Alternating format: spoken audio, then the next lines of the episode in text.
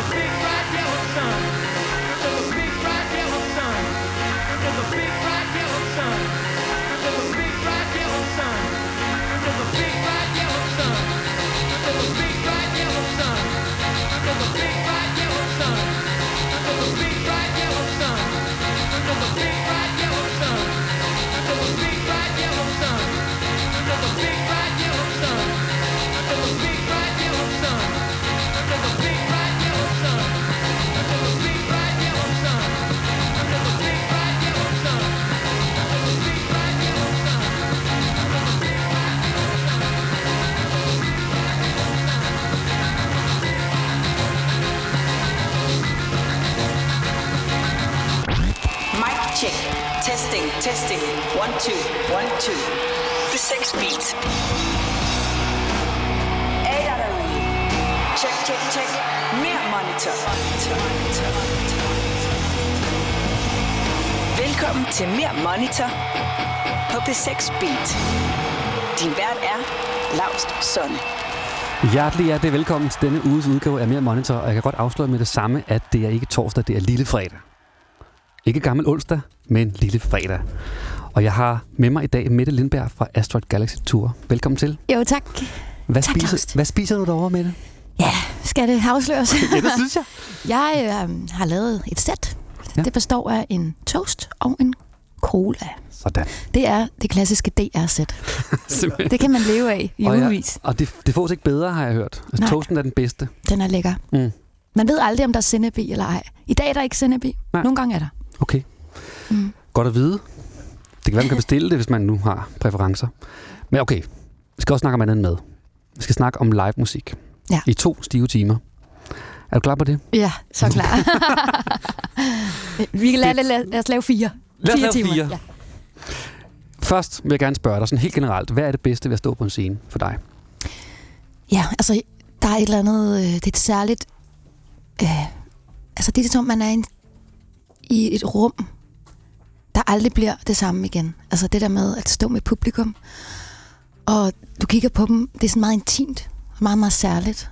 Øhm, og den, det føles som om, det er uvirkeligt. Så det er sådan ligesom sådan et rush af noget hemmeligt, som man kun forstår, hvis man er der. Det er faktisk meget rigtigt. Hvordan angriber du det rush? Altså, hvordan, hvad er din tilgang til det, ligesom? Mm, ja. Hvordan er din mentalitet, nu, nu skal jeg ud og gøre det her? Jeg danser rigtig meget, inden jeg skal på. jeg, Inden du skal på? Jeg, jeg varmer Okay. faktisk aldrig stemmen op. Nej. Men, altså jo, fordi stemmen er jo, det, det er jo kroppen, der er instrumentet. Så på den måde, så har- jeg en playlist, som kan skifte, og så spiller jeg den, og så går jeg og synger med, og så danser vi til den, inden vi går på. Og så er man ligesom sådan varm, så kroppen i gang. Øhm, så det er ligesom den måde, jeg sådan mentalt forbereder mig på. Så har jeg jo sunget og danset og været på, så er det bare at fortsætte og gå, gå direkte ind på scenen. Det er næsten et Sammen. antiklimaks at komme på scenen. I, Ja. ja. ikke, er I ikke noget længere herude? Ja, præcis. ja.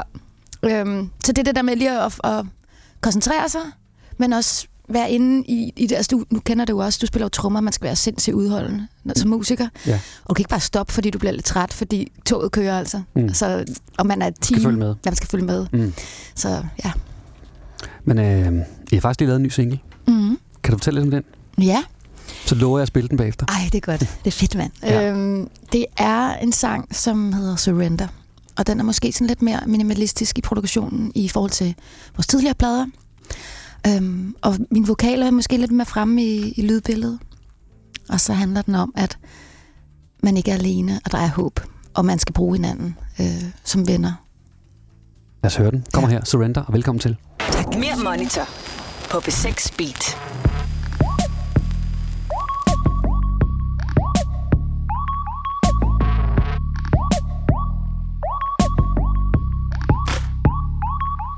When your heart is growing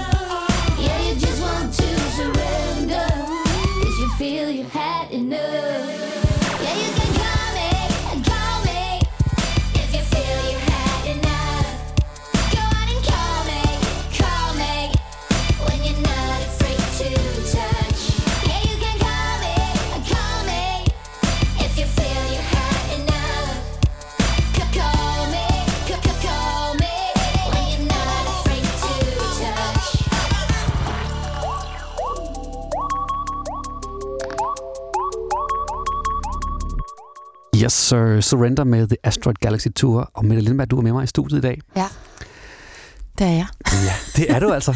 Og ja. sættet øh, forsvinder langsomt. Det er godt at se. Mm. Og Lars, du har taget jakken af. Ja, det har jeg taget jakken. Det bliver ja. for varmt. Ja, det bliver for varmt. Ja, sådan er det. Jeg kan jo så afsløre her for lytteren, at uh, Lars tager en lyserød strikket vest på. Ja. Og den er faktisk virkelig flot. Det er, godt. det er glad for, at du lige tilføjer det. ja, den er rigtig, rigtig flot. det er ikke sådan en øh, trafik, trafikvest. det er godt. Okay, men jeg kunne godt tænke mig at høre fra dig, Mette. Snart har vi snakket rigeligt om mig. Den allerførste gang, du stod på en scene, kan du huske det? Og Ja. hvad skete der? Jeg glemmer det aldrig. det er det med det, det gør man ikke. Men jeg var faktisk sådan lidt, okay, hvornår var det egentlig, ikke? Altså, hvornår? Det er lige med at huske de rigtige ting, ikke? Jo. Men altså, der, jeg gik på efterskole. Osted Fri og efterskole øh, Yes. i 10. klasse. Og der meldte jeg mig til musikhold, hvor at, øh, det var sådan første gang, jeg spillede i band. Altså, og skulle finde ud af, hvordan man gør det. Og så Mm. sang jeg. Der var selvfølgelig flere, der sang, så vi var flere, der skulle dele posten som forsanger. Ja. Øh, men så havde, øh, havde vi sådan en koncert. Vi skulle spille for forældre, og der var sådan en friskole tilknyttet, så der var rigtig mange mennesker. Og så skulle vi spille. Og jeg kan huske, at jeg stod i, det der lys og kampsvede. altså, sådan fuldstændig hævet i ansigtet, ikke? Rød, Helt rød dunkende. er fedtet. Fedtet, rød og dunkende i ansigtet, ikke? sådan helt... Øh, puha. Øhm, og det, jeg tror, det må være det. Men jeg, jeg sang Son of a Preacher Man. Og grunden til, at jeg også husker det så tydeligt, det er fordi, at der var en, der optog det på video. så jeg har genset det. Og så har jeg kunne se, hvordan jeg så ud, da jeg gjorde det. Det er derfor, jeg har meget stærke minder derom. Hvordan så du ud sådan udefra? Jeg, men jeg havde, ej, men jeg, var blevet, jeg havde så fået en forkert frisyr. Altså, kender I det, når man bliver klippet forkert? Ja. Man tænker, det er løgn. Det er for kort nu. Eller sådan. Mm. Og det var meget, meget, meget kort sådan Playmobil hår frisyr. Så min selvtillid var altså ikke lige top. Nej. Men jeg skulle ind på den scene. Øhm, så det hele, altså, ja. Men altså, jeg har jo set, jeg har jo set på, vi, på, vi, på VHS, at øh, jeg bevæger mig sådan lidt mærkeligt med benene. Okay. Altså sådan, jeg kan godt vise dig det. Jeg tror, Ja, ja, det det, ser sådan her ud. Sådan, som en sådan, bare lige sådan lidt med noget nervøs, nervøs træk Lidt i benene. nervøs, øh, som træk, man ikke ved, ja. man gør, når man står, ikke? for Mm. at holde takten og for at have fokus. Men hvordan sang du? Kan du, kan du sådan... Jeg sang det pissegodt. Fedt. Ja. Så den var klaret. Den var klaret, ja. Ryster kun lidt på stemmen. ja, ja. Ja. Okay, men ellers, da du var ung, du er stadig ung, da du var yngre, Ja. blev vi enige om, det hedder. Øh, hvem gik du til koncerter med der? Jeg var vild med Superheroes. Mm. Det danske band. Kæmpe fan. Jeg havde t-shirt. Ja, meget fascineret. Jeg synes, øh, det var Thomas Troelsen, der, der forsanger i det band. Og jeg synes, han var så vild. Altså, han havde bare overkrop og kastet vand ud over det hele. Og Han var ret vild. sådan, blæh, ud over publikum. Ikke? Ja. Det var meget fascinerende. Han var en ild. Ja, han var så bevidst om, hvad han gjorde, og hvad han, hvor ja. Han held, ikke? Det var helt vildt. Ja. En teenager, altså. Så jeg var meget fan.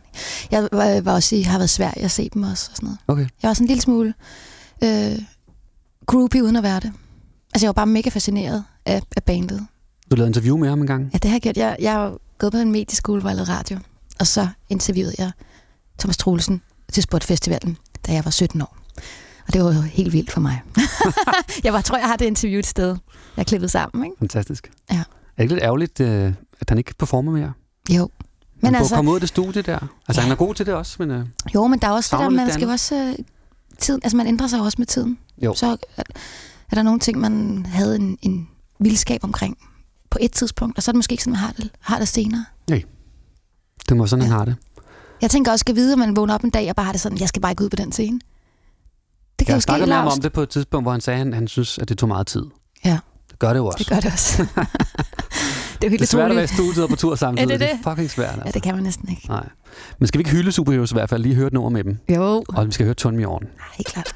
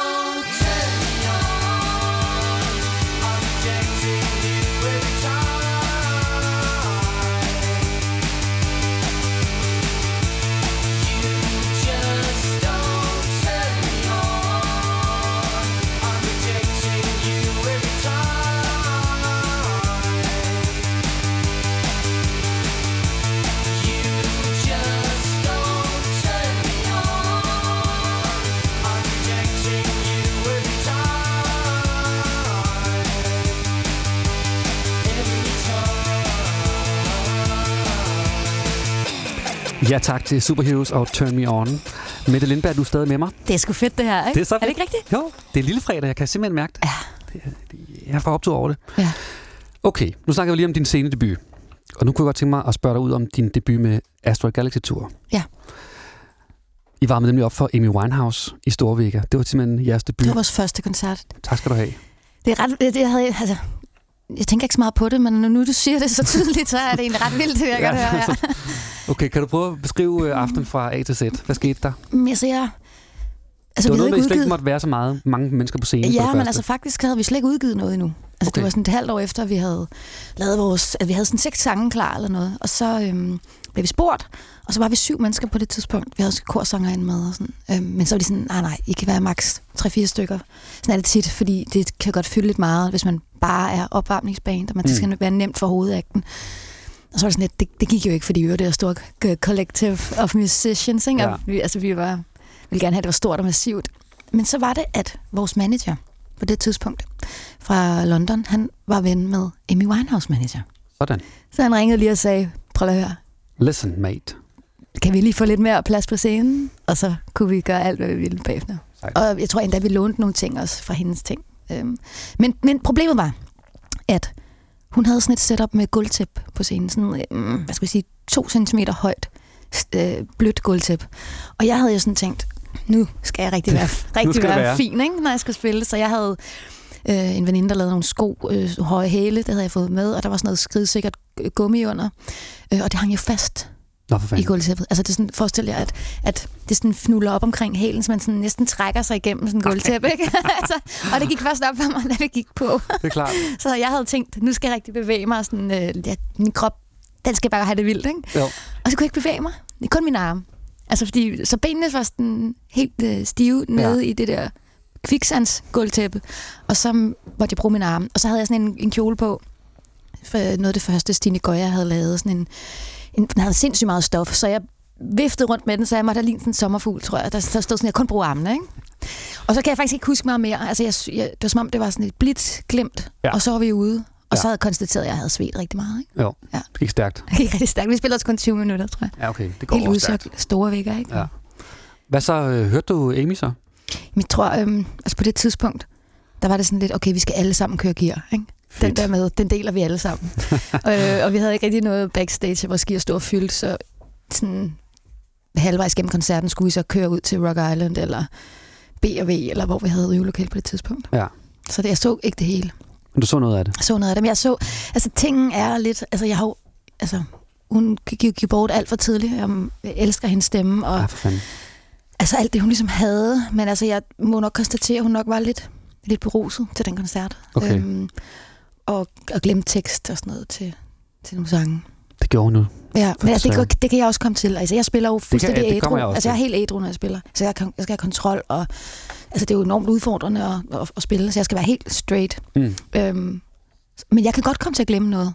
Lige pludselig, hvis du ikke har fokus, så en sang, du har sunget en milliard gange, så er det bare sådan, okay, hvor blev teksten af? Ja, andet vers er bare noget. væk. Andet vers er væk, og du er bare sådan, det er, Det er, løgn. altid, det er altid andet vers. Så altså, man ved ikke rigtigt, men altså, ja, Nej. Det kunne være det ene, og det kunne være det andet. Ja. Men generelt var hun hun fantastisk. er bare fed, ikke? Ja. Ja. Lad os hylde hende også. Det er et hyldesprogram, det her. Det er fedt. Amy Winehouse med Back to Black.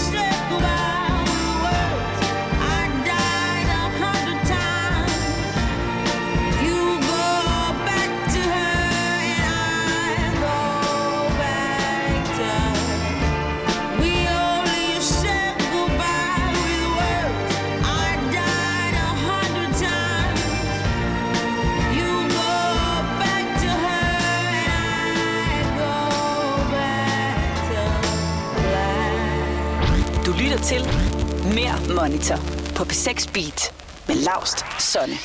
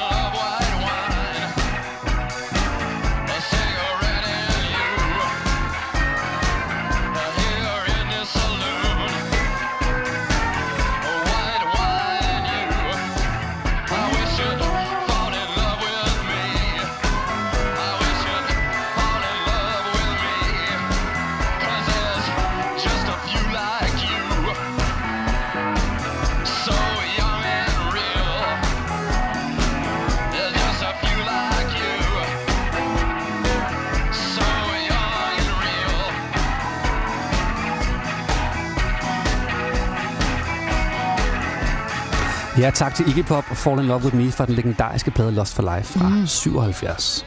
Jeg elsker ikke pop. Det gør jeg sørme også. Ja. ja, han er så god. Mette Lindberg, du er med mig i dag, og du spiser stadig toast. Der er, altså god, der, er- der er godt med toast tilbage. Ja, men det er jo også et langt program. jeg skal jo have lidt toast Ja, øh, en rigtigt. gang hver 10. minut for at holde mig kørende. Sådan Jo. er det med mig. Det er godt. Ja. Der er styr på det. Øh, kunne godt tænke mig at snakke lidt om øh, jeres tubus. Ja. Hvad sker Det der med kommer det? til at lyde, som om I- vi har vores helt egne. Vi Ja, har malet og alt Ja. muligt. Nej, ja. Men I turnerer jo faktisk øh, mere i rundt i resten af verden end i Danmark. Ja, det er rigtigt. Øhm, ja, i, i mange, mange år. Altså både sådan i Europa, USA og, og Sydamerika. Og, og, og så er det jo bare pissefedt at have en, en bus, hvor man bor i. Og så Mm. kører man igennem staterne, ikke? Vågner op i et nyt sted Ja, hver dag. fantastisk. Og i Europa også. Altså, så kan man gå ind og sove efter show. Så går du bare ind i bussen. Selvfølgelig sover man måske ikke lige med det samme, men altså, så går du ind i din... Jeg skal lige have en toast. Jeg ikke lige en toast, ja. Men altså sådan, til dem, der ikke lige ved, hvordan sådan en bus fungerer, så der er forskellige modeller, men der kunne være en, som... Lad os sige, den er to etager. Så går du ind, så er der ligesom en lounge med sofaer og et lille køkken og et toilet, hvor man kun må tisse. Det er meget Yes. vigtigt. Ja. Kun BMLM. Kun bimmelim, ja. Og så, øh, og så kan man være der, og det er der chaufføren er oppe i førersædet også. Og så kan man gå op ovenpå, så kan det være, der er en, en lille lounge i bagenden, hvor man kan også sidde i sofaer Se film og sådan noget, og ikke? se film, ja. Og så øh, tale lidt DLF med familien, ikke? Yes. Og sådan noget, have lidt øh, fred og ro. Og så er der, der sådan en sovegang, hvor man har sådan nogle små bunks, hedder det. Som er lidt ligesom at Små lægge sig kister. ind på en hylde. Hvis det er en Ja. kiste. Og så er der bare helt mørkt, og så er der et lille forhæng, og så ligger man sådan... Man kan ikke rejse sig op, man skal vende... Altså, store mænd har det svært i sådan en Jeg har engang øh, vågnet op med et chok, og så knaldet hovedet direkte op i, Det har jeg i overgøjen. Ja. Ja. Der, der er Har også, nogle vælte ud. steder, hvor der er øh, det, altså, skærm og DVD-afspiller inde i bunken. Og det er luksus. Ja, det er det. Fy for den. Nå, men øhm, jeg, altså, jeg elsker at være på tur i en turbus. Det er sådan det der med at være afsted med sit band, og, og så være ude på noget. Ikke?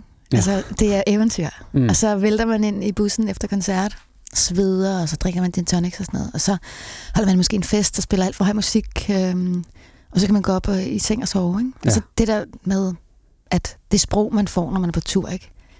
det er så sindssygt internt, ikke? Og jokesene, de, de ligger bare duf, duf, duf parat, Ja, ikke? Altså, det er så der. indspist, men det er så fedt. Ja. Så plat. Altså, det er så mega fedt. Har I noget, der, sådan, der skal være i jeres bus? Mm. Altså, man kan jo tage ting med ombord selv, kan man sige. det kan man Ja, vi har, engang, vi har engang brændt, øh, altså faktisk to gange, tror jeg, brændt anlægget af i bussen, så vi måtte købe nyt anlæg. Hey, shit. Fordi at øh, Lars, han er DJ, når vi er på bussen. Jeg er DJ øh, på andre tidspunkter, men så Lars, han- skruer så højt op, ikke? Fordi Ja. man skal kunne mærke bassen, ikke? Nemlig. Ja. Og så ryger anlæg Så et godt anlæg skal der være på bussen. Ja. Hvad ellers? Mm. Jamen altså, så det der med, at man ligesom ripper backstage for alt, hvad man kan drikke. Cola, vand, også fordi man skal jo... Der er jo ikke noget vand, så man skal have vand med, ikke? Jo, der er ingenting jo faktisk. Der er ingenting. Og så er frugtskålen kommer også også med, ikke? Jo. Altså, der, så, så, er der, Morgenmad. så er der morgenmad. så det En er cola sådan og en pære, så kan man godt køre det. lidt, Synes det, er det. Og så Ja. sådan, fuck, vi fik ikke taget Og tingene nogle gange kan man også, skal man køre hele næste dag, før man kommer til byen. Ja, præcis. Så er der ikke noget morgenmadstop og så videre, så videre. Det det. Det kan der i hvert fald nogle gange ikke være. Nej. Jamen altså, Altså, der, lugter, der lugter nogle gange af suretær på sådan en bus, ikke? Det er fordi, at drenge får så frygtelig suretær. det er kun drengene. Kun drengene. Mm. Mm. Det, jeg husker den første gang, jeg Og var, Lav jeg, skal var, ikke. Nej. Lav skal ikke. jeg var på tur med DRD for første gang ned gennem Tyskland, og Mhm. der havde vi en chauffør med, som ikke syntes, det var fedt at tømme øh, tissetanken. Det synes han ikke var fedt. Det, det gad han ikke Ej, rigtigt. hvor er det tarveligt. Og den bus, Stank. den stank så sindssygt, da vi kørte helt ned til Spanien, og der blev varmere og varmere, og det var så nasty. Det glemmer jeg aldrig. Men det er sjovt, du lige siger det, Lars, fordi vi har også engang kørt øh, i Spanien i bus. Og øhm, der gik aircondition ud, og det var om uh, sommeren, så der var altså 42 grader i bussen. Og så havde han heller ikke tømt så lækkert, skulle til at sige, øh, tistanken. Øh, Og så der stank af den der, øh, hvad hedder det, sådan salmi, salmiak-agtig mm. øh, urinlugt. Ja. Og så var det sygt varmt. Øh, det er jo... Og han var, jo han var, bare nej, prøv at høre, så han var sådan en buschauffør, så han var sådan lidt fedtet, lidt svedig, og sådan lidt, lidt en, en nasty fætter, ikke? Han, han buschauffør, man kan aldrig vide, Sådan hvem har der vi kører. faktisk også haft med. Uh, ja, det er rigtigt. Okay, men det, det er jo også... Ja, der er nogle typer der, ikke? Det er et meget specielt erhverv. Og han var sådan en, så da han skulle gå rundt og skifte sengetøjet, det er sådan noget, han skal en gang om ugen, ikke? Og fordi det har været så varmt, så altså, det var klammer, ikke? Så gik han rundt i boxershorts og svedte ind over vores bunks, men han skiftede det der. Altså, jeg tænkte bare, det er løgn. Det skal jeg ind og ligge i det der. Ej, Det går ikke. Nej. Lad os høre noget musik. ja. Jeg vil gerne spille mit yndlingsnummer med jer. Nej, Fra Claus. jeres øh, seneste, fra 2014-pladen. Ja. Mm. Det hedder Navigator. Mm. Ja.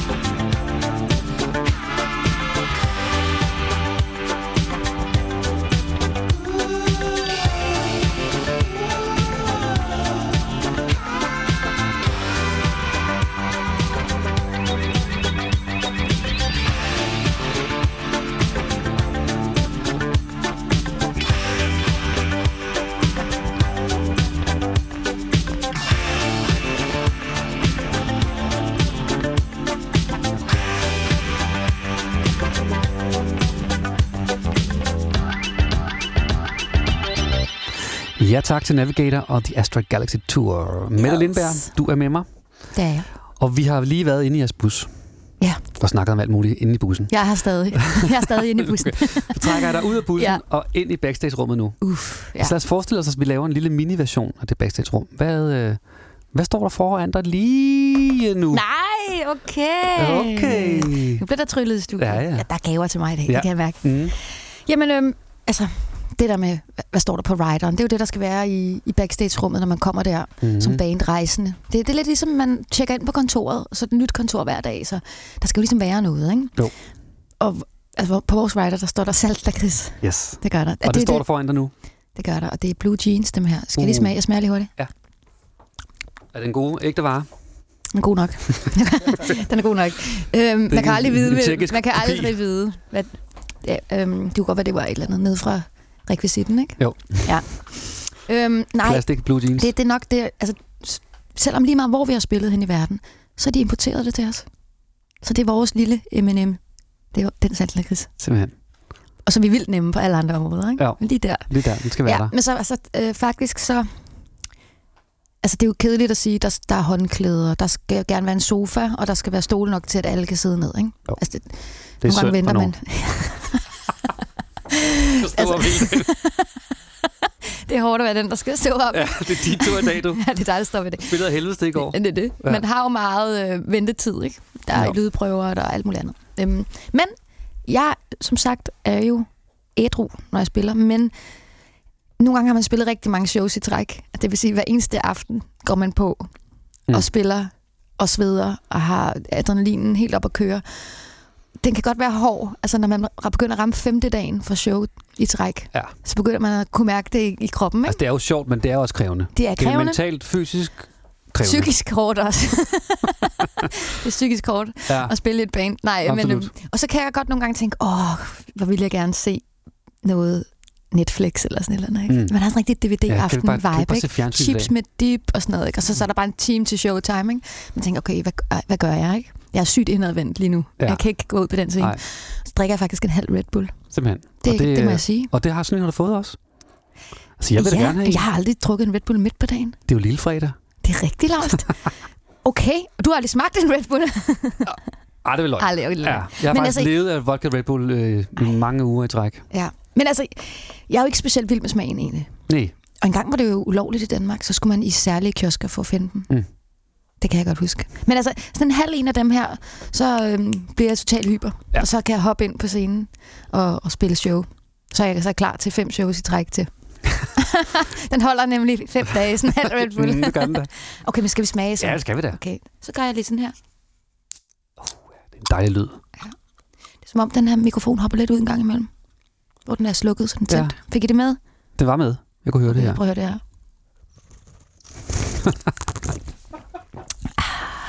Uh, det er en Red Bull, Sådan. det der. Så er du frisk. Bing! dang, dang, dang. Nu skal I passe på, fordi nu er jeg Okay. unstoppable. Så lad os forestille os, at øh, nu skal I gøre klar til show. Ja. Hvad sker der så der? Så er det jo sådan, at der er jeg DJ. Altså, Okay. når det er backstage, så er jeg DJ. Så, så har jeg, den. en, ja, det er mig, der har den. Så har jeg alle mulige playlists. Hvad Der er spiller en, du? Mm, Der, jeg har en disco-playlist, for eksempel. Så Mm. har jeg noget, der er med rocket. Så har jeg kun en Bowie-playlist, for eksempel. Ikke? Øhm, men altså, så går jeg og synger med. Så ligger jeg lidt make-up, ordner hår, og så går man sådan og Mm. peger på sig selv i spejlet og siger, you're the best. Yeah. I like I you. like you a lot. Don't ever die, motherfucker. Præcis.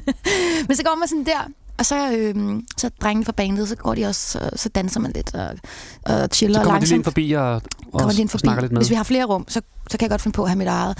Så skal alle lige derind og have vibe, inden vi går på. Yes. Øh, så, så er det med sådan noget at synge med. Jeg, jeg varmer op ved at danse, og så synge med på ting. Det kunne være sådan noget, I believe in miracles, I believe in miracles, woo, eller sådan noget. Så går man og synger med Ja. på gammel funk og soul, ikke?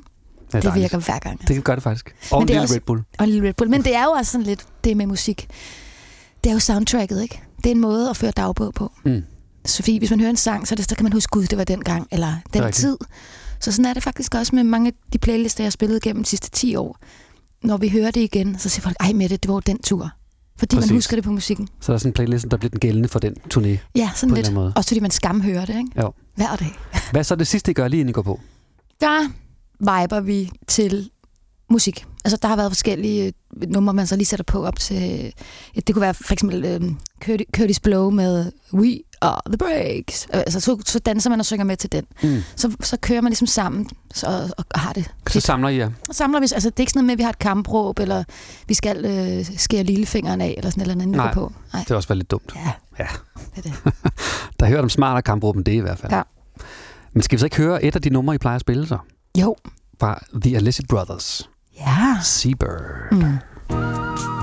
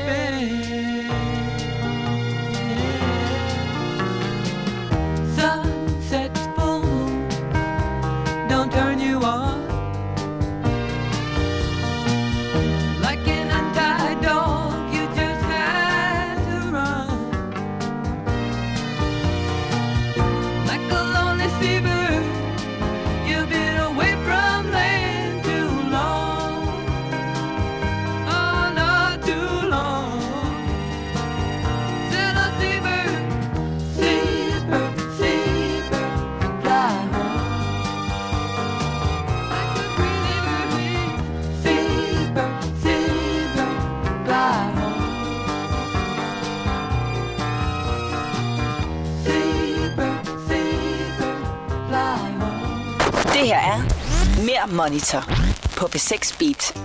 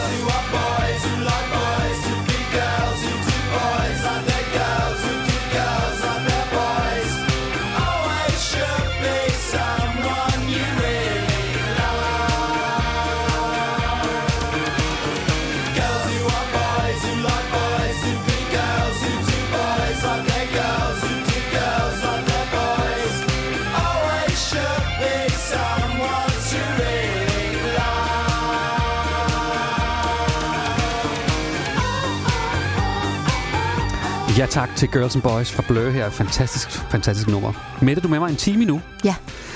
Vi skal snakke meget, meget, meget mere om alt muligt.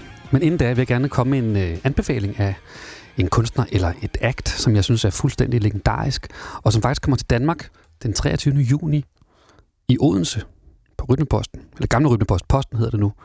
Det er intet mindre end George Clinton og Parliament Funkadelic. Det skal jeg se. Ej, det, altså, hvis man ikke har set det, så skal man simpelthen se det der. Ja. Jeg har set dem mange gange.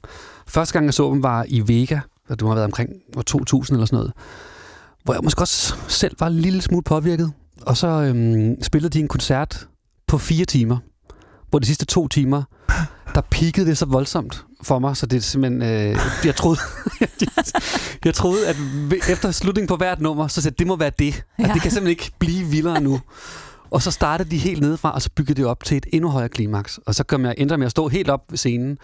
Og gitarristen, som hedder Gary Scheider, som desværre er død nu, han, hans trademark gennem hele, øh, fra 71 tror jeg, det er at stå øh, uden tøj på, på nær en, En voksen, ble. en voksen blæ. Ja, det er rigtigt. Og så står han bare og spiller den sygeste spade i voksen blæ. Det er så vildt. Jamen, det er så sindssygt. faktisk, altså Asteroids øh, har været, altså vi er jo sindssygt inspireret af Funkadelic, George Clinton. Jamen, han er, Det er en Altså, god anbefaling, du kommer med. jeg tror, der er 50 hiphop hits, der er samlet fra øh, Parliament of Funkadelic, og lige så mange pop hits. Det er helt fantastisk. Men jeg vil gerne have lov til at spille et af deres største hits, og det er også det, hvor de peakede sådan kommercielt, jeg tror det er fra 79. Det lyder helt utrolig godt, og det hedder Not Just Knee Deep.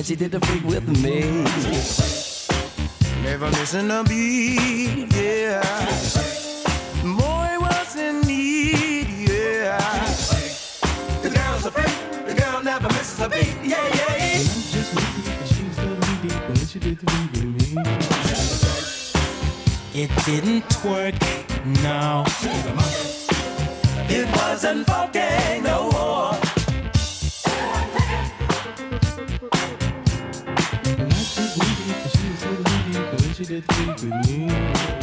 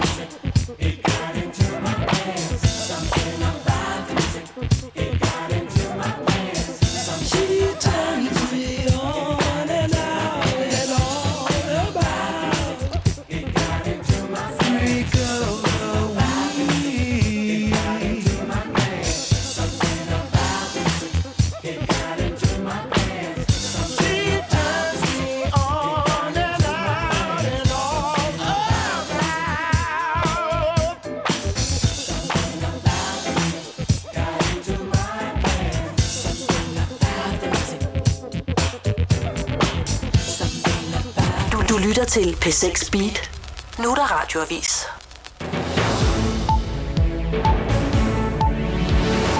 Det har haft mærkbare konsekvenser for borgerne, at politiet i en årrække har skulle bruge ressourcer på grænsekontrol og terrorbevogtning. Det konkluderer statsrevisorerne i en ny beretning. I perioden fra 2014 til 17 har politiet rejst 21 procent færre sigtelser, når det handler om vold, røveri og voldtægt.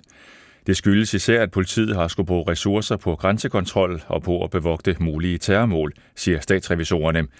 Statsrevisorerne konstaterer samtidig, at politiet ikke er lykkedes med at opretholde indsatsen på andre prioriterede områder. Regeringen har i dag præsenteret sit udspil til et nyt energiforlig. Udspillet skal sikre, at halvdelen af Danmarks energiforbrug i år 2030 bliver dækket af vedvarende energi. Regeringen lægger op til, at en familie i gennemsnit kan spare 1.500 kroner om året på el. Men måske betyder prisen slet ikke så meget, fortæller Sofie Dujak. Miljørådgiver Henrik Bortoft Pedersen viser sit gamle oliefyr frem til energirådgiver Carsten Weiborg. Du kan se her. Det er tæret. Det er vist lov. Ja. Men det er jo helt trist at skulle af med det. Det har jo været varmekilden i lang tid. Kedlen i fyret er utæt, og Carsten Weiborg skal undersøge, om en varmepumpe kan opvarme huset fremover, som Henrik Bortoft Pedersen håber. Jeg tror, at det er den, den miljø den, den be, miljømæssigt den bedste løsning, at man kan vælge lige nu. Men selvom regeringen lægger op til at sænke den generelle elafgift med 25 øre per kilowatt-time og afgiften på elvarme med 15 øre per kilowatt-time, så er det noget andet end prisen, der driver, når der skal vælges ny opvarmningsform. Jeg tænker mest på, om det er grønt. Carsten Weiborg regner ellers ud, at familien kan spare 1000 kroner om året fremover, men det betyder ikke så meget for Henrik Bortoft Pedersen. Det er jo under 100 kroner om måneden, så, så det betyder ikke som sådan noget. Forhandlingerne om nye overenskomster for både stat, regioner og kommuner fortsætter nu på fjerde time i forlisinstitutionen. Forud for dagens forhandlinger lød der optimistiske toner fra både arbejdsgivere og lønmodtagere på det kommunale område, og de optimistiske toner gælder en overenskomst for hele det kommunale område. Topforhandler for FOA, Dennis Christensen, understreger, at der på det kommunale område ikke vil blive indgået delforlig, sådan som natten til onsdag skete på det regionale område. Der kommer ikke til at blive indgået et forlig, hvor lærernes arbejdstid ikke har fundet en løsning, som både lærer og kommunerne kan leve med. Den mand, der sidste sommer med en lastbil dræbte fem mennesker i Stockholm, bør idømmes fængsel på livstid. Det har anklageren i dag udtalt i forbindelse med sin procedure i retten. Den usbekiske statsborger Rakhmat Akilov er tiltalt for terror og drab. Dommen ventes i juni. Efterhånden bliver der længere mellem byerne, og i nat vil det en del af tiden være tørt og klart vejr. Vinden bliver let til jævn fra sydvest ved kysterne op til frisk vind, og så vil det være mellem 4 og 7 grader varmt. I morgen først på dagen nogen sol fra 10 til 13 grader. Det var radiovisen med Bjørn Bymand. Velkommen til, til B6 Beat.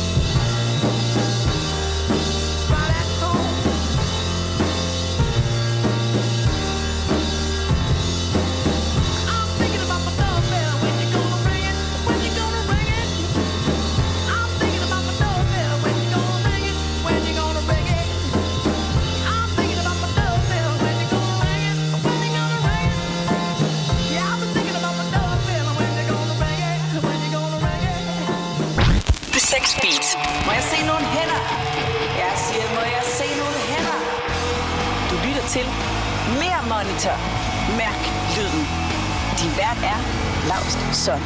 Velkommen tilbage til time 2 af Mere Monitor på denne højhellige lille fredag. Jeg har Mette Lindberg med mig i studiet stadigvæk. Hej. Ja. Hej. Hej. Hvor er det hyggeligt. Det er så fedt. Jeg, jeg danser altså lidt. Ja, vi, vi har en god vibe kørende. Ja. Det er sgu dejligt. Øh, jeg kunne godt tænke mig at snakke om, at I har, I har spillet rigtig mange steder rundt i verden. Faktisk hele verden. Ja. Mere eller mindre, ikke? Men der er et job, som jeg har hørt om fra Hanoi i Vietnam. Oh, ja. Og det var nytårsaften, har jeg hørt rygter om. Ja. Hvad skete der der? Ja, altså, øhm, vi var blevet inviteret til at spille ud foran operahuset i Hanoi til nytårsaften. Jeg tror, vi spillede sådan noget tre sange eller et eller andet. Og så var der også nogle andre kunstnere, der skulle spille. Og øhm, altså, det, det, altså, jeg kan lige starte med at sige, at det endte jo med, at der var 100.000 mennesker på pladsen, der så det. Og så var der 86 millioner, der så det på tv i Asien. Lidt nøjer. Ja, okay. Hanoia. ja, mega Hanoia. Come on and enjoy us. Ja, det er det. Men øh, tingen var det, at vi skulle jo ligesom tjekkes ud og godkendes til at måtte spille der. Øhm, så på den måde var der sådan en komité, der kom i uniformer og satte sig foran os, mens vi øvede. Det var for øvrigt midt ude i tra- trafikkaos i Hanoi, inden at, at de ryddede gaderne inden festen. Ikke? Okay. Så stod vi der og lavede lydprøve, og så skulle de godkende, at vi ikke kom med politisk propaganda. Og så sad de der og skulle sådan Tjekke tjekke os ud. Mm. Jeg havde det sådan lidt, altså, de kan jo ikke være sikre på noget. Jeg kan jo finde på at sige noget live. Der var Ja, noget helt det var andet. live. Det var live, ja. Ja. Øhm, men altså, det var sådan lidt, der var sådan en, en australsk øh, sanger, sangskriver, der også skulle spille. Og lige pludselig, sådan, inden vi skulle på, så, så siger dem, der har booket os, ja, så for øvrigt med det, vi tænker, at du lige synger en sang sammen med ham der op til klokken 12. Øh, not, tænkte jeg bare. det havde jeg ikke lige Det lyst til. Eller lige ind i mixet der. Ja, så skulle vi synge, øh, jeg tror det var um, Imagine. Okay. øh, den skulle vi så lige spille, ikke? Og så var jeg sådan lidt, åh, oh, okay. Og der var jo mange mennesker, altså over 100 100.000 mennesker, ikke? Ja. Så stiller vi os der på scenen, og så ham, han spiller klaver til helt ømt, ikke? Og så spillede han bare forkert akkorder, Laust. altså, og han, altså det var, var, jeg tænkte bare, det er løgn, ikke? Altså jeg måtte bare holde mig til at synge mit korrekt, og sådan tænkte, det passer ikke til hans akkorder. ja, det er hans problem, det der. Nej, men det var måske noget af det mest nøje, jeg nogensinde har gjort. Altså, det var, altså, det var spillet af Imagine med en fremmed mandsperson, Ja, som spiller uøvet. forkert. Og Uøvet. uøvet, ja. Nej. Og mens de talte ned, og så skulle vi ud og danse ude i midten på podiet med sådan en DJ bagefter. Det er sådan, ja, så skal I ud og danse og piske en stemning op. Så kiggede vi bare på hinanden sådan, øh, okay.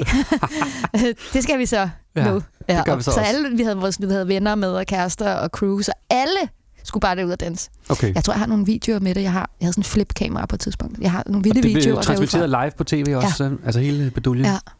Ja. Øh, men øh, ja, det var ret vildt. Og så faktisk, øh, det var altså det er jo en vild by. Og så Ja. ja. bagefter, så var vi sådan, okay, vi skal have en fest. Og det var umuligt at opdrive alkohol. Altså, vi Ja, havde de fået sådan noget aldervin. Vi har fået noget 11. aldervin som vores champagne. Altså, det var det eneste, der stod på vores rider, det var, at vi skal bare have et glas champagne, fordi det er nytårsaften, ikke? Jo. Så fik vi sådan noget aldervin. Okay. Det var så usekset, altså. altså, Hvordan var publikum ellers? altså, de var, de var bare vilde med det. Altså, okay. det er jo også noget af det, jeg synes er så smukt ved at spille musik, det er den taknemmelighed, man mærker, når man, når man, mærker, når man rammer publikum. Ikke? Så se folk, der kigger op og bare giver sig selv fri og synger med. Altså, det, det er rørende. Var der en fornemmelse af derovre, at, øh, altså Vietnam, at der ikke kom så mange øh, kunstnere forbi? Ja, det, det synes jeg faktisk generelt. Også når vi har spillet i Sydamerika, og sådan noget Chile, Mexico og Brasilien, så er det sådan, øh, hvis du spiller et show for 1200 mennesker, så bliver det bare udsolgt på en time. Okay. At det er mere sådan det med Madonna og Katy Perry. Det er sådan nogle typer, der rejser rundt alle mulige steder, men sådan et band fra Skandinavien, ikke? Det er ikke hver dag, det kommer. Nej, det, det er det sgu ikke. Nej, det var med at slå til. Ja, desværre. Jeg, øj, der er lækkert. Ja. Altså, der er god vibe. Ja, jeg har kun været i Rio. Det var, Ja. det var fandme også dejligt. Ja. Jeg, kan, jeg husker det tydeligt. Ja, jeg har spillet også på en festival, uh, Rock in Rio. Og det er jo kæmpe, Verdens kæmpe, største kæmpe festival. Ja. Der har jeg spillet et år også. Okay, hvordan var det? Det var fedt. Ja. Altså, det var jo sådan noget Elton John og Katy Perry og Rihanna, der spillede, ikke? Bum. Så der er, Sneg jeg lige ind der? vi har endt med afterparty sammen med Katy Perry og Rihanna, faktisk på en, en jagt, som Katy Perry havde lejet. Og så var vi kun 25 mennesker fri bar og dansekonkurrence. Sådan. Ja, og jeg, jeg gik faktisk hen til Rihanna. Og Og sagde at jeg synes, hun var What up, bitch? super hot og sang mega fedt. Og øhm, hun skulle bare sige til, hvis hun ville danse med mig. Hvad sagde hun til det? hun kom ikke tilbage. Hun kom ikke tilbage. Men Okay. øhm, jeg gjorde da mit forsøg. Ja, ja, man skal prøve. Det skal man i hvert fald. man ved ikke, om man får chancen igen. Nej, det, det gør man højst sandsynligt ikke. Nej. Men altså, nu skal vi jo øh, høre et nummer med dit band, tænker Okay, jeg. jamen, jeg Og det må, valgt. må være jeres gennembrudshit, tror jeg. The Golden Age. Ja, altså jeg synes, vi havde to singler før det. Nå, okay. Men nej, øh, jeg, Golden Age øh, øh, satte sig fast på landkortet, øh, verdenskortet, med, fordi den var med i en Heineken-reklame blandt andet. Okay. Øhm, den, det, var, det var faktisk efter, den var udkommet, det var to år efter, vi havde udgivet den og sådan noget. Så blev den valgt til en, en stor reklame, som faktisk har vundet øh, guldpalmer og sådan noget for bedste reklamefilm. Okay. Øh, vi er med, i, med i, i reklamen som band også. Og, og, og, og den blev spillet, eller den blev vist i hele verden under Champions League med mig, fordi at hovedpersonen i reklamen ender med at stå på scenen sammen med mig. Og det blev sendt i alle lande. Så jeg har så mødt folk på gaden i London, der siger, hey, det er dig. Hey, mand. Det er dig fra Champions League. og der er ikke nogen i Danmark, der har set det, fordi det har aldrig været i Danmark med de Ej, okay. ting. Men altså, jeg er blevet stoppet på grund af, at folk har set mig. Champions League-reklame. Det er dig. Det er dig, der plejer at være der der. Det er fandme sejt. Lad os høre det.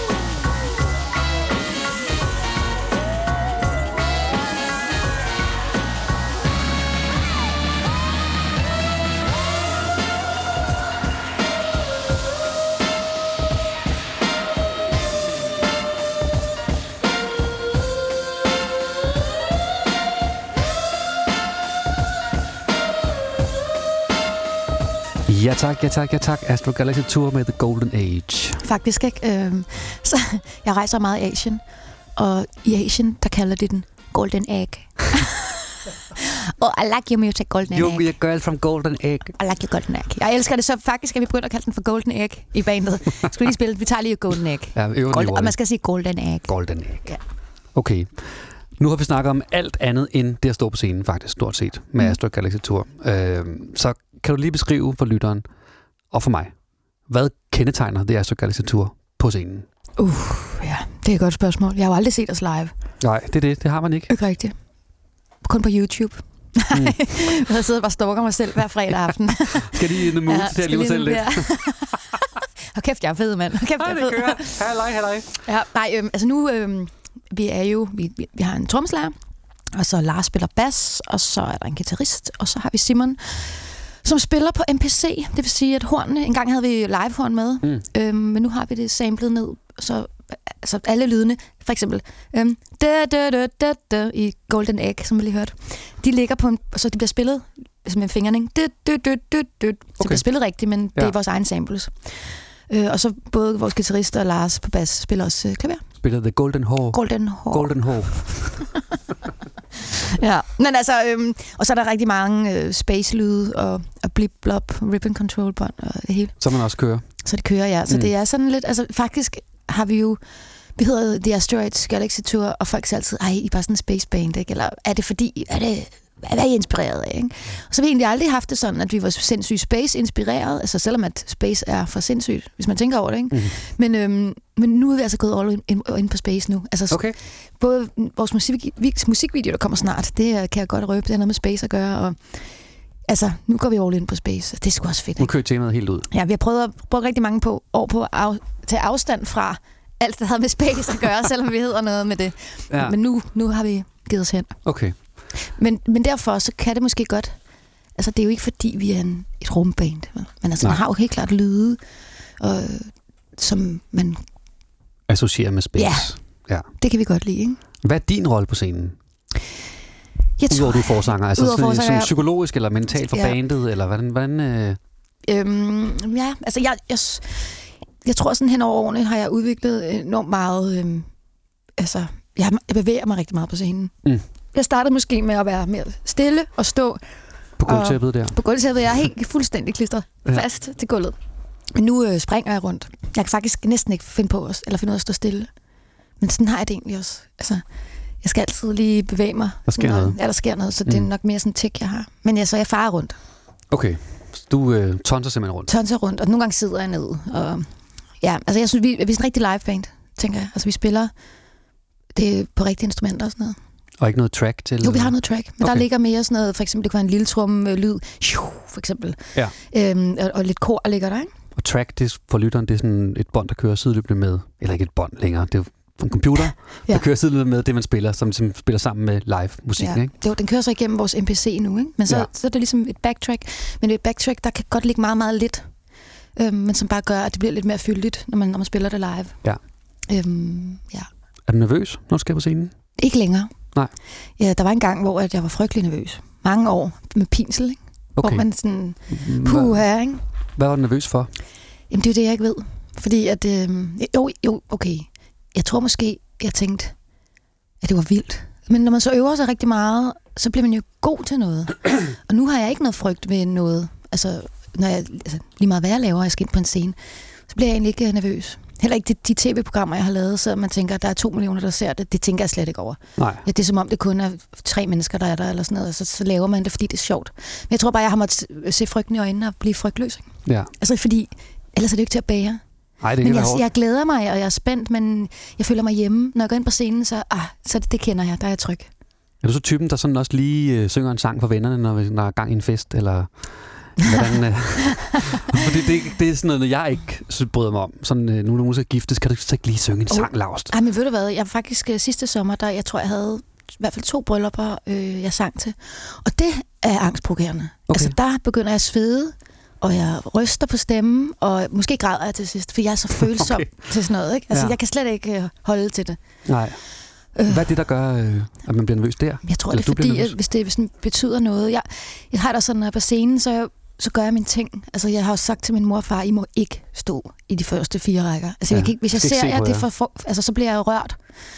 Øh, jeg, jeg er jo også, giver mig jo hen til, når jeg, når jeg optræder, men jeg bliver hurtigt øhm, følsom omkring det. Så okay. det er det der med at stå til et bryllup, og øh, altså, jeg er jo meget romantisk øh, anlagt som person også, så jeg sådan, kigger på sådan et brudepar, du synger, øhm, så ja, så, Så bliver jeg, jeg bliver forrørt. Altså, øh, min kærestes øh, bror blev gift her, og så sang vi i kirken, øh, øh, øh, og hvad var det, vi sang? Det var Come Rain or Come Shine. Mm. I'm gonna love you like nobody's loved you. Og jeg er tudbrøllet, altså. Så jeg græd, og så græd hele publikum også. og det er optaget, og det, det ligger et eller andet sted. Okay. Ja, men det er faktisk, så du kan godt der blive bliver jeg nervøs. faktisk. Ja. Der bliver jeg virkelig nervøs. Jamen, det er også noget andet, folk også sidder lige i fjeset på en. Ja. Det, det giver noget andet. Om det skal vi snakke om tøj, Ja. og det glæder jeg mig til. Men inden da skal vi lige høre et nummer, som er apropos tøj. Det kan vi nemlig også her i studiet. Mm. Og det er David Bowie med Fashion.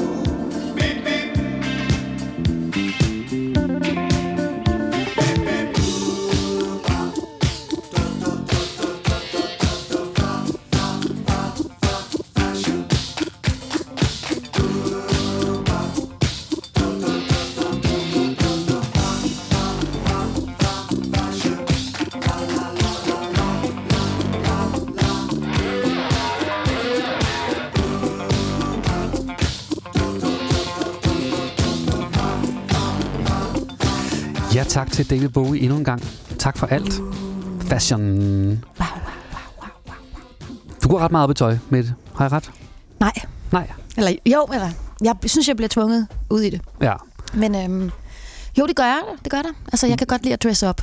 Hvad er vigtigst for dig, når du skal på scenen? Hvad, for, hvad, hvad er den vigtigste del af tøjet, du vælger? Det er sko. Sko? Ja, fordi øhm, en forkert sko kan ødelægge en hel dag.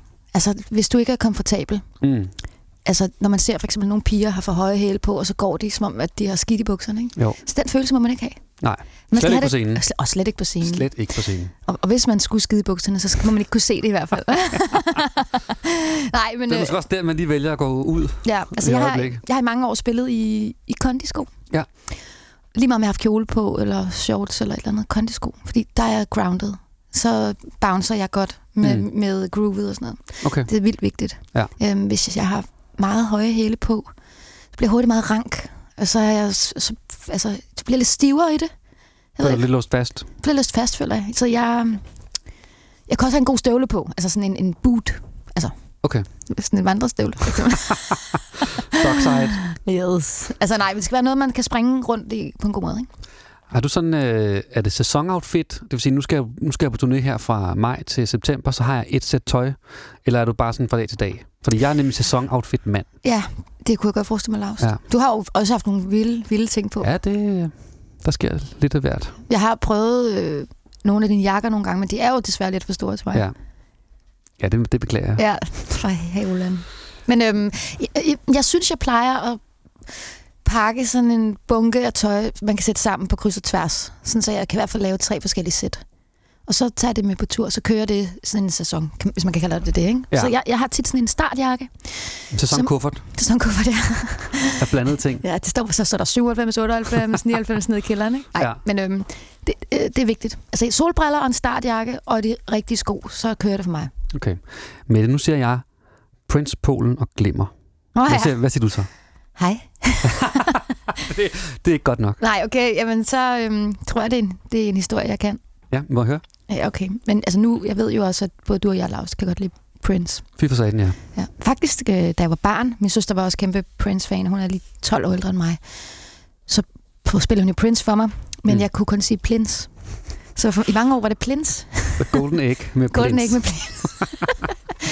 men øh, jeg har jo øh, tit glitter på, når jeg spiller. Jeg synes, det er så pænt i lyset. Mm. Jeg synes, det, er, det, det gør et eller andet. Changerer. Og så var der en stor festival i Polen, vi spillede med bandet. Så havde jeg gået all in. Så havde jeg, jeg havde sådan et par guld, stramme guld øh, bukser med små bitte paljetter ud over det hele, og så en guld sølvjakke ud over, så jeg var sådan en stor Paljet. paljet, ikke? Skinnende paljet. Og, og bandet var sådan, nej, med det, altså, det, er det ikke lige lovligt meget? Jeg sådan, overhovedet ikke. Altså, det er sådan her, det skal være. Det er også i Polen. skal Vi er også i. Polen, skal vi huske. Ikke? Nej, men så skal, bagefter så skulle Prince spille, og så gik vi over for at se det, og så havde Prince samme tøj på som mig. Yes. Ja. Men jeg spillede altså først. Ja. Så han må have set, hvad jeg havde på. Ja, det må jeg. han set. Der tænkte jeg lige der. Ja. Eller han havde i hvert fald øh, paljetbukser og paljetjakke. Mm. Så I kan se det selv. Prince gør det samme. Og så faktisk bagefter, så var vi jo backstage.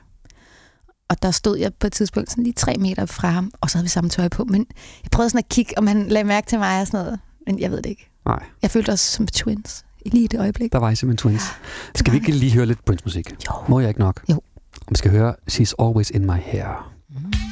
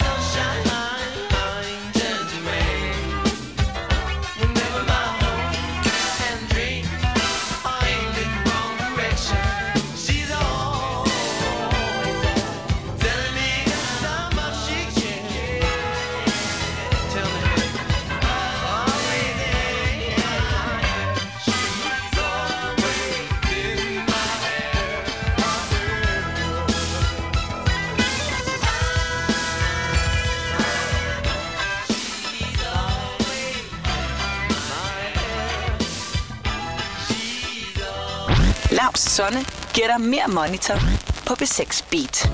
What wish I was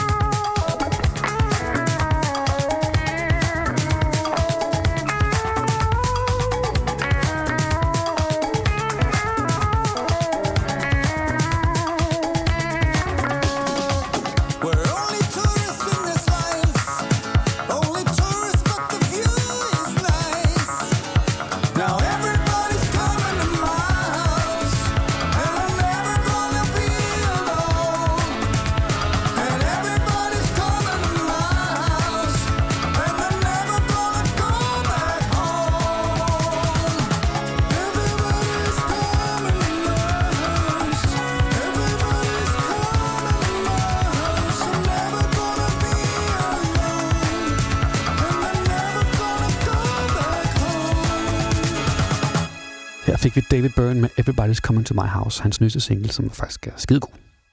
Hurra for det. Mette Playing Lindberg. at my house. My Ja. house. Mette, du er med mig nu.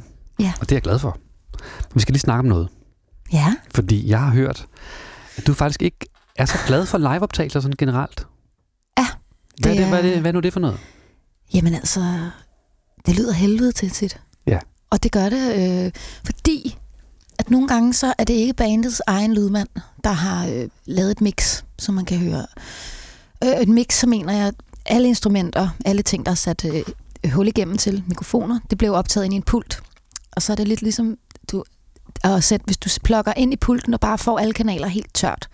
Og så sidder der en eller anden øh, fremmed lydmand og skal navigere i det info, men de ved ikke, hvilken sang skal gitaren være højere end bassen. Kender ikke musikken, Kender ikke kender ikke musikken. bandet. Og så er det helt tørt. Altså lige nu taler vi jo tørt, fordi vi laver radio. Men mm, der er ikke noget rumklang der er på, ikke noget rumklang der er eller ikke noget delay, delay. og det er jo det, der gør, at det er smooth, og det glider sammen, og at, at øh, alle instrumenter på en eller anden måde holder i hånden. Mm. Ikke? Altså, det er lidt svært at, at danse om juletræet uden at holde i hånd. Ikke? Og det er lidt ligesom det, Ja. øhm, når det er helt tørt. Og så, øhm, så for eksempel, du kunne have nogle, nogle korstemmer, der ligger sådan noget, du synger, hey! Hvis det ligger for højt og i front, altså meget tæt på dine ører i lydmixet, så øh, lyder bare af helvede til. Så falder det helt ud, Falder det hele falder ud ud. af musikken, ja. Så for mig, så, så er det sådan lidt ligesom nogle gange øh, mad uden salt. Altså når det er sådan noget tørt øh, live-optagelser. Ja. Og, man, altså, og det er... Ja, skal salt og chili og... ja, der skal alt muligt. Og det er det, som lydmanden er jo det hemmelige medlem af bandet, ikke? der tryller og får det hele til at blende sammen. Det er jo sindssygt vigtigt med lydmand. det det er, er- vigtigere, end man tror. Meget vigtigt. Og nogle gange kan man jo stå som band og spille røven ud af bukserne, og hvis du så har haft en lydmand, som ikke kender musikken til at stå i front, så kan de ødelægge det for publikum ved at, øh, at have en, en dårlig frekvenser på noget, eller skrue noget for højt op. Altså det er virkelig et, et Eller også bare lave forkert lyd. Forkert forkert lyd. smag. Det handler om forkert smag, jo. Præcis, hvordan lyder trommerne her? Mm. Er den støvet, er det punchy nok, ikke? Præcis. Har I lydmand med altid jeres egen? Ja, det har vi. Ja. Kalle, vi elsker ham. Og han har været med fra start af. Øhm, nej, det har han ikke, men han har været med en del år nu. Øhm, og vi har også haft, altså, når man laver en produktionsøver, ikke, så nørder han igennem alle frekvenserne og får dem til at, øh, så har vi en pult lige nu, som, som er en elektronisk pult, så husker den indstillinger, ikke? Ja. Så, øh, så skal man bare lige dreje det til, at nu er han et nyt sted, så lyder det lidt anderledes i det her rum. Kan man lige tweak det ind Men til altså, det. han, han har nørdet det helt igennem. Fantastisk. Ja, men så, så jeg er ikke så glad for det. Og så synes jeg også nogle gange, jeg hører også en del øh, BBC Radio 6 Music, og der har de det med at spille li- om morgenen live-udgave med Flaming Lips. Og det lyder af helvede. til. også fordi, han synger ikke helt rent Nej. Nej. på Flaming Lips, og jeg bliver et dårligt humør, altså. Og det kan vi sige, det gør ikke så meget, når man står der i Nej, salen. det gør det så det, nemlig kan man ikke høre de der små nuancer, men det kan man jo, hvis det som sagt er helt tørt og ja. in your face og sådan noget. Uff. Og jeg synes også, live musik, det skal ses live. det skal ikke Ja, det- genopleves. Det skal ikke genopleves øh, derhjemme. Men på trods af det, Ja. så har jeg altså bedt øh, mine lyttere om at skrive på Facebook, altså at beskrive deres fa- favorit liveoptagelser. Men jeg, oh, ja, tak, men jeg vil bare lige sige, der er så masser af liveoptagelser, jeg virkelig godt kan lide. Ja. Øh, og det kommer også an på, hvor, hvor, hvor stort er bandet, der spiller. Er det unplugged? Er det sådan en mindre session? Eller har deres lydmand lavet det lækkert, ikke? Jo. Nu læser jeg lige lidt op her, fordi ja. der er rigtig mange, der skrevet ind, og det skal I have tusind tak for. Det må jeg gerne blive ved med. Henning Amstrup Munk, han skriver, Ramones, It's Alive. Man fanger dem på toppen nytårsnat mellem 1977 og 78. Aldrig har de været bedre. Godt lide det der mand. Mm, Det er sådan godt sportsagtigt. Ja. men man så det også for sig. Jeg, jeg begyndte at lede efter billederne. Ja. Troels Henrik Balslev Krav skriver, på tv må det være Bowies fødselsdagskoncert i New York. Det kunne have været fjollet med alle de gæster, men det er det ikke. Og så vil jeg gerne slutte med et bud, der er kommet flere gange. Blandt andet har Kasper Jessen foreslået Nirvana MTV Unplugged er jeg jævnligt tilbage på. Den er så latterlig fed. Og fra den koncert vil jeg gerne spille About a Girl.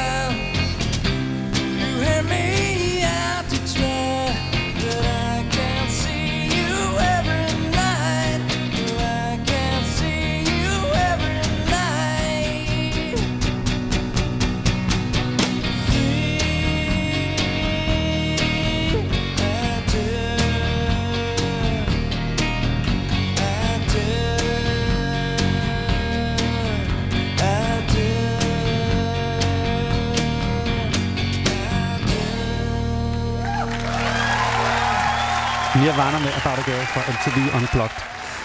Det var en god optagelse, Det lyder jeg. altså fedt. Ja, det var fedt. Det, men det var også, altså sådan, sådan lyder det godt. Ja. Okay. Nej, men altså, der er jo gode oplevelser, men nogle gange er der bare rigtig mange, hvor det lyder skidt. Ja. Og det, det, Det kan også være et chok, hårdt. synes jeg, virkelig for en selv at høre sig selv på en dårlig optagelse. Der kan man sådan sige, jeg skal aldrig stå på en scene igen. ja, præcis. Det kan virkelig tage bunden ud af en. Ja. Mm, Okay. Men lad os snakke om publikum, for det har vi faktisk ikke snakket så meget om. Det kunne jeg godt tænke mig at Mhm. snakke om.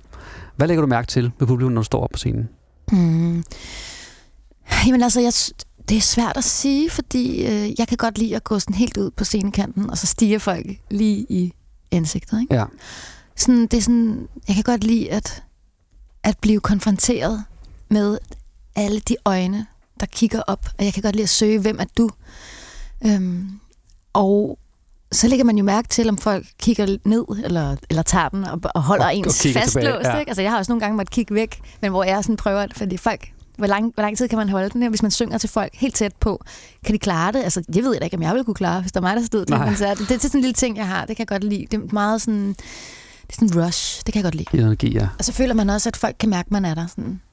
Øhm, men jeg lægger jo selvfølgelig mærke til, om folk er glade, og smiler eller står stille. Altså, for mig behøver man ikke bevæge sig til en koncert. Jeg kan selv stå nogle gange sådan helt stille og bare jagtage, og så jeg det for fedt. Mm. For jeg bliver nødt til at se, hvad laver han nu? Okay, han spiller, okay, det er der, han gør det, og sådan noget. Og så kan jeg jo ikke stå og danse og kigge væk imens. Nej, så jeg er meget fokuserer på noget. sindssygt fokuseret på, hvad Mm. bandet er gang i. Øhm, øh, Hvor stor indflydelse har publikum på, om det bliver en god fornemmelse for dig, eller en dårlig fornemmelse, også for hele bandet? der har en rigtig stor betydning. Altså, det er noget af det første, man taler om, når man går scenen. Fuck, publikum var fede. Altså, det kommer næsten før, man- hvordan man selv har spillet. Så er det sådan, Ja. ja. kæft, de stod stille, eller de gik amok. Altså, Ja. ja. Det er det, man taler om. Ikke? Og den der måde, at man har energien sammen, det er det vigtigste. Det er det fedeste ved live. Det er, at man har oplevet noget Den sammen. udveksling Ja. af energi er... Det er det, og, man, og for, for et band, så skal man også vide som publikum, at altså man kan for det første ikke stå der, hvis det ikke var for publikum. Men det giver så meget ekstra, øh, hvis publikum giver åbenlys kærlighed. Det er det vildeste. Det er jo også en af tingene, der gør, at man har det så fedt på scenen. Er du blevet hyldet ud af den af publikum på noget tidspunkt? Ja, det er jeg helt klart. Altså, jeg har da også oplevet lige pludselig at kigge øh, ud på publikum, så er der stået en herlækker fyr måske, ikke? og kigget og set vildt lækker ud. Og så pludselig tænkte sådan, okay, det man ikke lige regnet med, at man skulle kigge på, sådan lige ind i sådan nogle øjne der, så der kigger man på en. Så faktisk kan jeg godt blive lidt generet. Ja, Ja, så, så okay. det gælder mig hurtigt at, at komme videre. Ja. ja. Vi skal også hurtigt videre. Mm. Vi skal høre uh, The Strokes. Det elsker jeg. Ja, Is This It?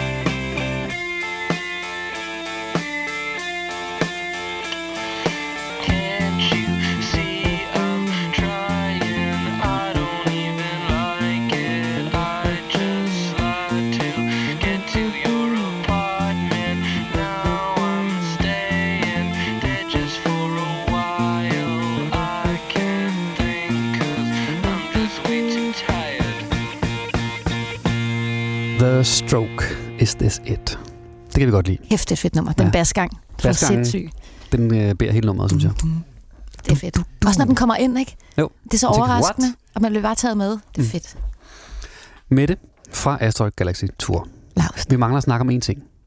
Og det er, når man kommer hjem fra en turné. Hvordan er det? Ja. Man lukker døren til lejligheden, og så er det ligesom bare... Så er man der. Jeg tror, man kalder det tur blues. Det kan man godt kalde det. Det er sådan en øh, følelse af, at når man har været ude på noget med nogle mennesker over en lang periode, så er det jo sådan, man sover jo sammen, man spiser, altså man skal dele med rigtig mange ting, og man går, og det er meget sådan indspist og internt, og man oplever nogle ekstreme ting sammen, som kun dem, der har været der, forstår. Mm. Og man kan ikke begynde at forklare det for sine venner, når man kommer hjem, fordi Det er en meget lang historie. meget fald, langt så, og rigtig, altså, man overgår ikke at høre sig selv. Altså. Men det er en følelse af, at jeg har været på Roskilde Festivalen, bare gang 100.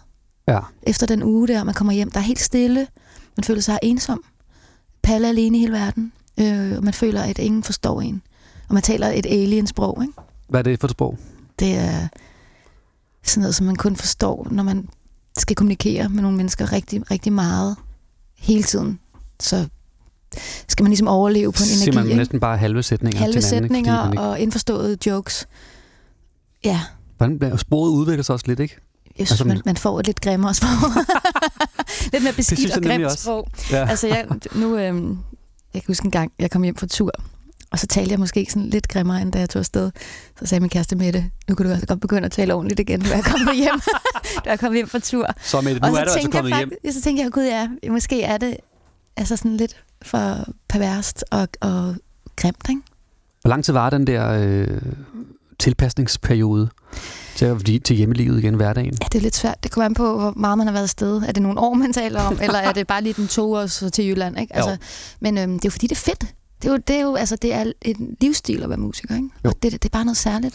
Det er også det der med, at man skal ikke tænke på noget, når man er afsted, vel? Udover, det, man har et fokus. Ja. Og alt det andet, det er ligesom bare, det er fuldstændig lige meget, ikke? Det der med, hvad der sker derhjemme, og vaske tøj, Ja. og Man, hvad skal Ja. måske lige tøj på venues? ja, det, Så, så er man øh, frisk, vil jeg Ja. sige.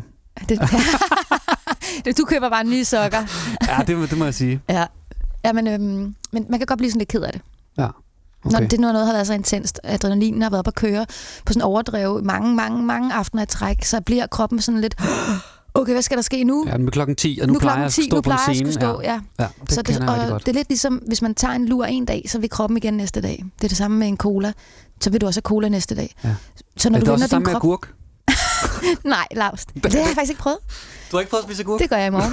jeg tror, det har noget med sukker og, og, og fornøjelse at gøre. Okay, Sådan. Men ja. øhm, øh, der har man jo vendt sig til, at du skal... Øh, øh, din krop sætter automatisk ind og siger, nu plejer den at skulle det her. Ja. Så det skal man lige øh, på afvending for. Jeg får, jeg får spjættende ben Ja. om aftenen, fordi mine, øh, mine trummeben, kan de, jeg de, de gerne i gang. Det er det. Ja, det, det, det det, er meget- det er ret ubehageligt faktisk. Men Og lidt det- ligesom, at man skulle øh, virkelig vende sig til at være på hver aften, så skal man også afvendes til ikke at skulle gøre det. Ikke? Jo. Hvad gør du så, Lars? Strækker du ud eller sådan noget? altså, jeg har haft øh, perioder på et par år, hvor jeg sådan har fortsat festen i virkeligheden i mellemliggerdagene. Ja. Det kan også blive lidt tungt, Ja. det kan det godt. men det er jo sjovt. Ja. Altså, jeg er blevet lidt mere voksen med alderen. Ja. Og jeg er blevet bedre til at, ligesom at sige, okay, måske også dagen inden man tager hjem, eller et par dage inden man tager hjem, så ligesom giver man lidt ned, så Ja. det ikke er sådan den helt kolde tyrker, man kommer hjem til. Jeg har også børn, Ja. så der er også noget, der skal passe, så de skal jo tidligere op i skole og alt det der. Ja. Så jeg er blevet nødt til at være voksen, når jeg kommer hjem. Ingen kan være barn, når jeg er ude. Monkey man. Barnemanden. nu stopper vi den her samtale, nu skal vi høre noget musik. Vi skal høre Justice eller Justice med Genesis.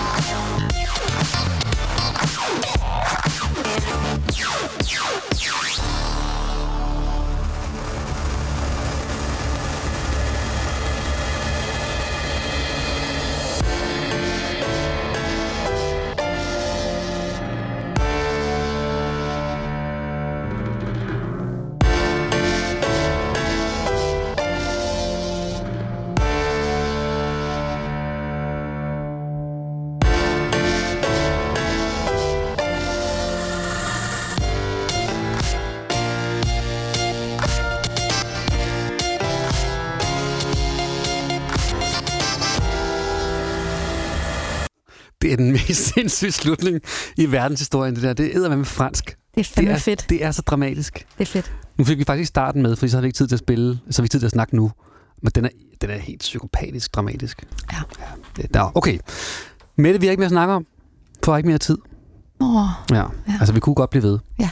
Men du har lovet at anbefale et, et, en, en kunstner eller et act, som du synes, man skal opleve live. Ja. Hvem har du taget med? Jeg har taget Gorillas med. Ja, ja, ja, ja, ja. ja. Og Gorillas spiller på Roskilde.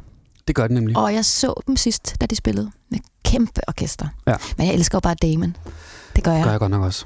Det gør jeg. Han er fast inventar i programmet her. Ja, den måde, han synger på, melodierne. Øh, og det er også derfor, jeg har valgt et nummer, som... Øh, den måde, han synger, de tonemalerier, han laver med sin, med, med sin stemmer, det er fantastisk. Altså, næsten alt, hvad han rører ved, det er guld. Ja. Hvad skal vi høre med ham? Eller med Gorillaz? Vi skal høre Melancholy Hill. Okay. Mm.